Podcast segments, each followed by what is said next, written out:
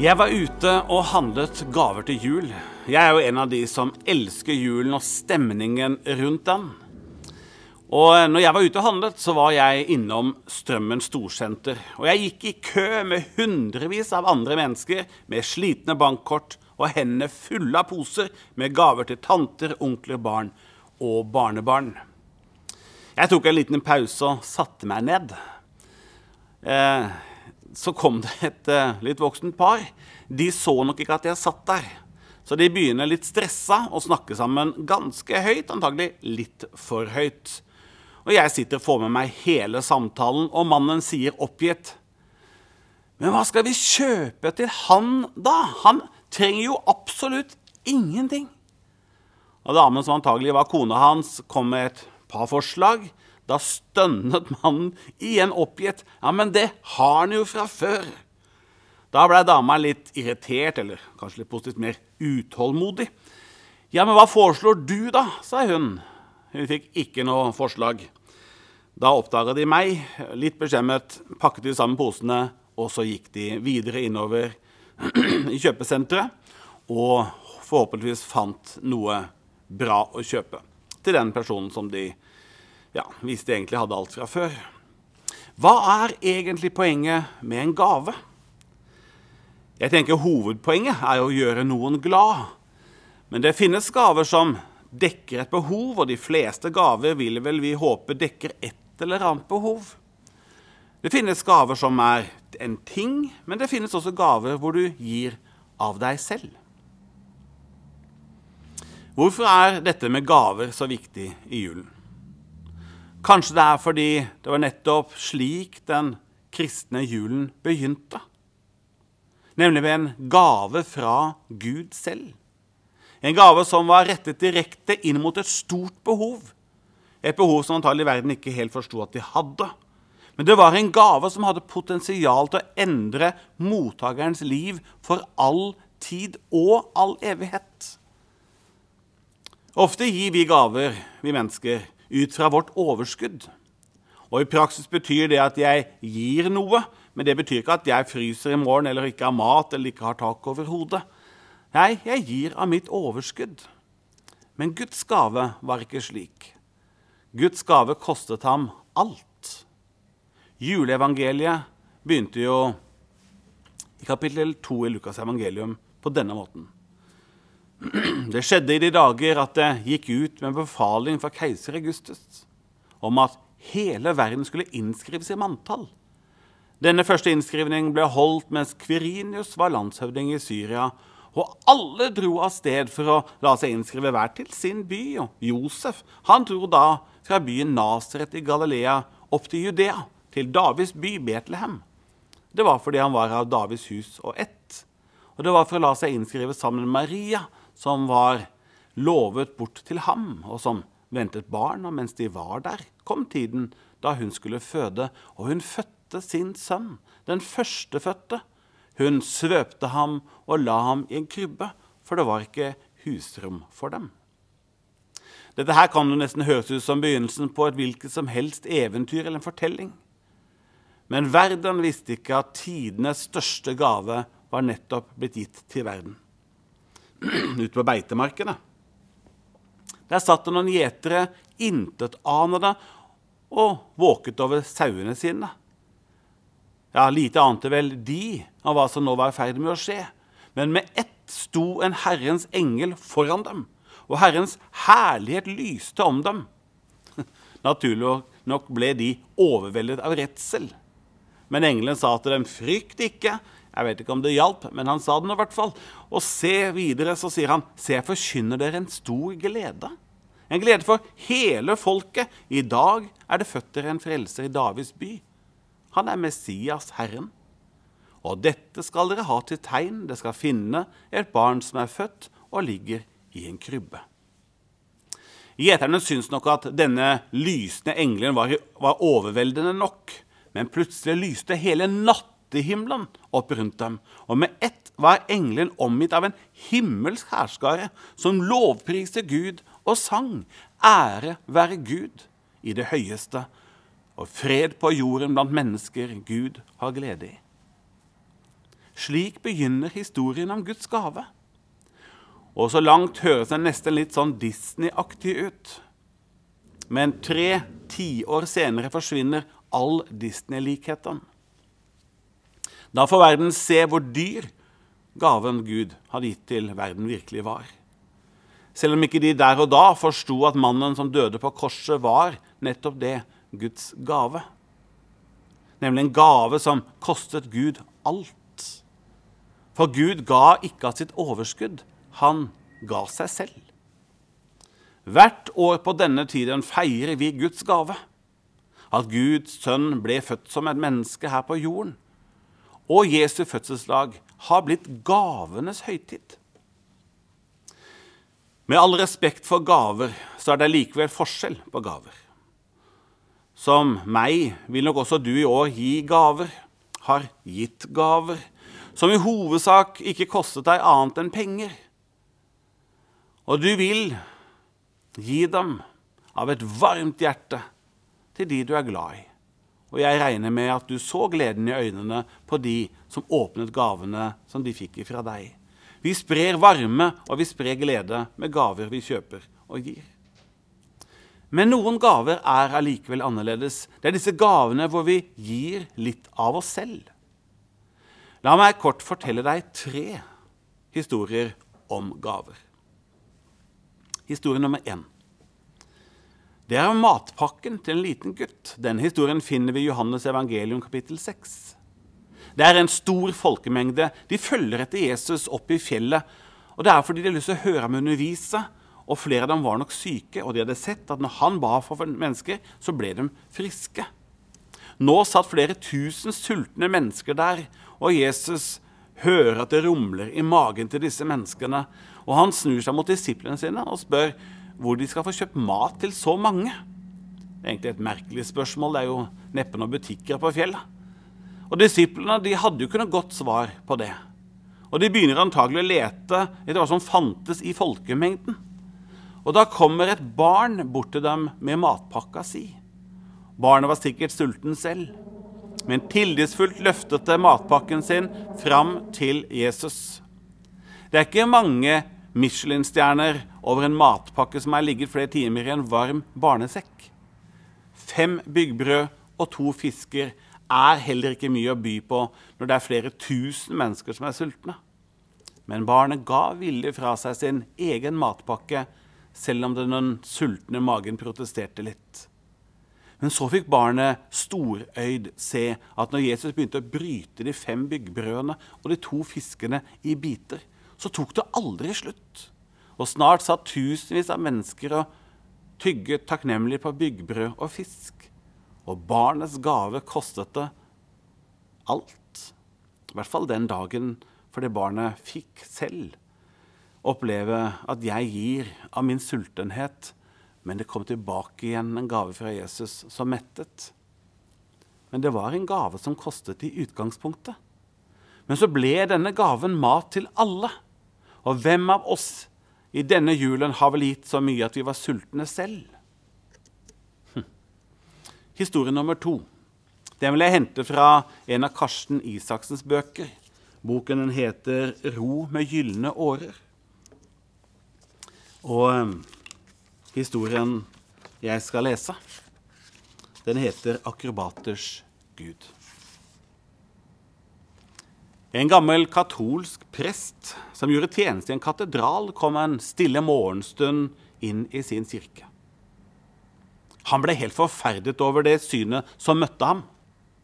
Oppe ved alteret holdt en mann kledd i klovneklær på å gjøre den halsbrekkende gymnastikk og akrobatiske øvelser. Presten han ble frustrert, og han ble sint. Han kjente han ble fylt av en hellig vrede. Dette skulle stoppes øyeblikkelig. Men i samme øyeblikk kjente han en hånd på sin skulder. Og da han snudde seg, så han inn i ansiktet på en av sine prestekollegaer. Kom her, sa han og vinket ham ut på kontoret. Hør, tidlig i dag morges kom denne mannen til meg for skriftemål. Etter en lang og hard kamp bestemte han seg for å bryte med sine synder. Og I løpet av den siste timen har han lagt alt på bordet. Han har navnsatt, og han har bekjent. Han har knelt med min hånd på sitt hode. Og ifølge Jesu ord og løfte har jeg tilsatt ham alle hans synders nådige forlatelse. Og presten fortsatte. Jeg tror jeg aldri har sett en sånn glede i noe menneske noensinne. Tunge skyer som hadde ligget lavt over hans panne gjennom mange år, drev plutselig vekk. Han lever nå under en åpen og lys himmel, og solen skinner varmt på han igjen. Han har fått igjen selvrespekten og gleden. Han sa til meg, 'Hvordan kan jeg få takke Gud?' Hvordan skal jeg få lov til å uttrykke min glede? Jeg har ikke gull, jeg har ikke røkelse, jeg har ikke myrra. Da sa jeg til ham, del med vår Herre av det beste du har, det fineste du eier. Han svarte, jeg. Jeg er sirkusartist. Jeg er akrobat. Jeg danser og gjøgler. Kan jeg uttrykke min glede og min lovprisning til Gud gjennom dette? Ja, sa presten. Og han fortsatte. Akrobaten har nå pris Gud i nesten et kvarter. Han har gitt sitt livs forestilling. Fra min utkikkspost bak søyleraden har jeg sett den løste sjelen prise sin Gud. Det falt stener fra den gamle prestens hjerte når han hørte dette. Og de to prestene, som for det meste var bundet av liturgi og tradisjon og forskrifter, de tittet sammen ut gjennom døråpningen, og den jublende tilbedelsen hadde nettopp stanset. Gjøgleren bøyde sitt hode langsomt og i ærbødighet for alteret. Han rettet seg opp, løftet sitt hode og gikk med glade og lette skritt ut av en sidedør og ut i morgentrafikken utenfor. Han glemte å lukke døren og morgensolen kom inn og la en varm stripe av lys på kirkens ishvite marmorgulv. Det var også en gave fra en akrobat til Gud. Den tredje og siste historien min den handler om den fjerde vismann. Når vi leser i Matteus kapittel 2, så står det da Jesus var født i Betlehem, i Judea. På den tiden da Herodes var konge, kom noen vismenn fra Østen til Jerusalem og spurte hvor er jødenes konge som nå er født. Vi har sett stjernen hans på gå opp på himmelen, og vi er kommet for å hylle ham. De hadde med seg tre verdifulle gaver. Det var gull, og det var røkelse og myrra. Og Pga. de tre gavene har man konkludert med at det var tre vismenn, selv om det ikke er nødvendigvis står at det var tre. På slutten av 1800-tallet skrev Henry van Dijk en vakker legende, altså en oppdiktet fortelling om den fjerde vismannen. Det var han som ikke nådde fram til det lille Jesusbarnet i Betlehem med gavene sine. Ifølge legenden het han Artaban. Han var en lege, en rik mann, en vismann fra Persia. Og vismannen hadde sammen med sine tre venner Kasper, Melkur og Balthazar oppdaget lyset fra en ny stjerne, og ved å lese i skriftene, de profetiske skriftene og tyde drømmer, så forsto de at en stor profeti var i ferd med å gå i oppfyllelse. Den unge Artaban ønsket å følge stjernen dit den ledet han, og han solgte alt han eide og han valgte å kjøpe tre gaver. Det var tre edelstener. Det var en safir, en rubin og en perle. Edelstenene skulle han gi som gaver til den nye kongen som var født. Denne store kongen som profetiene og stjernen vitnet om. Det var tre store edelstener. En blå som et bruddstykke av nattehimmelen. En som var rødere enn soloppgangens glød, og en som var som toppen av et snødekt fjell i skumringen. Men før Artaban kom til kongen, så måtte han legge ut på den lange reisen dit stjernen ledet, og han tok den raskeste hesten sin og satte av sted. Og På vei til stedet der han skulle møte de tre andre vismennene, så kom han over en skadet mann. Han var alvorlig skadet, og uten hjelp ville han dø. Artabans hjerte strakk seg mot denne ulykkelige mannen, og han stoppet opp, og han hjalp ham. Men det gjorde også at Artaban han ble forsinka på sin reise. Og han måtte selge sin safir for å få kameler og proviant til å klare å komme over ørkenen helt fram til Israel, der hvor kongen skulle være født. Og Da Artaban endelig kom fram til Betlehem, da var byen helt øde og tom. Han hørte ryktene om at den nye kongen han skulle eh, hylle, han hadde måttet rømme til Egypt med sin familie. Hele Betlehem er i frykt, for kong Herodes har hørt av disse tre vismennene som har vært der litt før, at det var en konge som skulle være født. Og nå var han livredd. Og for å stoppe at det, at det ikke skulle komme noen trussel av en, en, kongebarn, så velger han å drepe alle små guttebarn under to år. Og det er krise i Betlehem. Artaban møter en mor, en livredd mor med et lite barn på armen. Og Der kommer soldatene og skal drepe barnet, den lille sønnen hennes. Da gripes igjen Artabans hjerte, og han tar opp en av gavene han hadde kjøpt for å gi til kongen.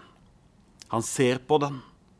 Han legger den fram til denne soldaten som har et blodig sverd i sin hånd, og spør om han kan kjøpe denne gutten fri. Det får han lov til. Han redder den lille gutten idet han gir rubinene fra seg.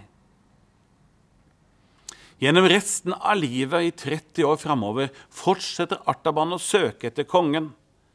Hos en vis jødisk rabbi-lærer blir han minnet om at kongen han søker, antagelig ikke finnes i palasser, heller ikke blant de rike og de mektige. Nei, han går mot de som er fattige, de undertrykte og de lidende.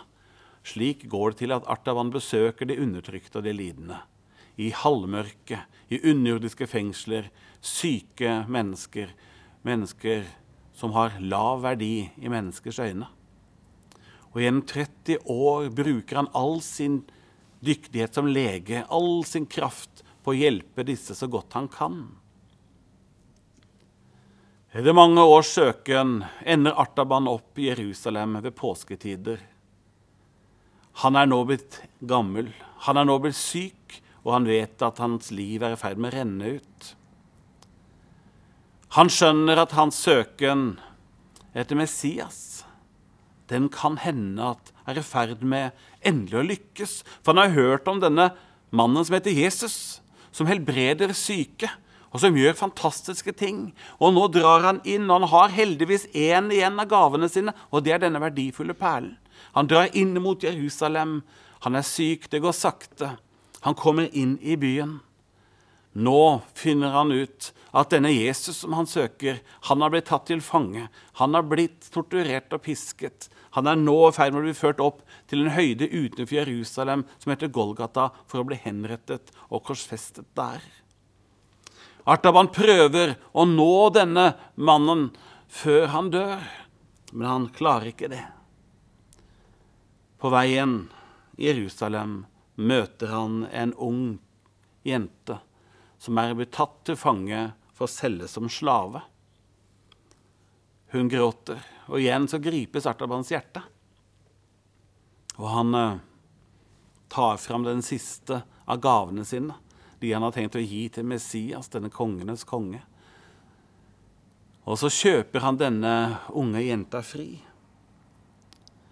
Og så forteller denne legenden til slutt at idet Artabans liv er i ferd med å renne ut, så kommer det en mann og steller seg foran ham.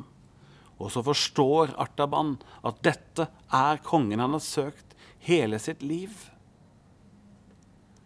Da renner tårene på kinnet til Artaban, og han sier, 'Jeg hadde tre fantastiske gaver.' 'Jeg hadde tenkt å gi dem til deg. Nå, når jeg endelig har funnet deg, har jeg ingenting igjen. Da renner det tårer på denne mannens kinn som står foran ham, denne Jesus som har blitt korsfestet, men satt opp igjen. Og så sier han at Artaban alle dine gaver har du gitt til meg. For jeg var lidende og syk. Du hjalp meg. Jeg var sulten, du ga meg mat. Jeg var tørst, og du ga meg drikke. Og Artaban sier, men jeg har jo aldri sett deg før. Når ga jeg deg mat? Når var det jeg så til deg når du var syk? Når var det jeg inviterte deg hjem til meg? Da stråler Jesu øyne når han ser på Artaban, og så sier han at det som du gjorde mot en av disse mine minste barn, det har du gjort mot meg. Hele ditt liv har vært en gave til meg.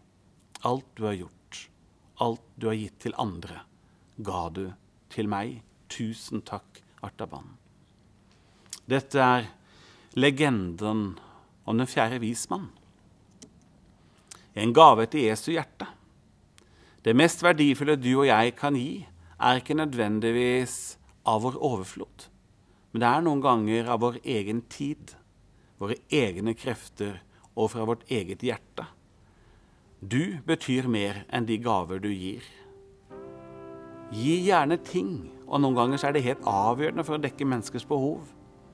Men gi også av deg selv, fordi du er mer verdifull enn du føler.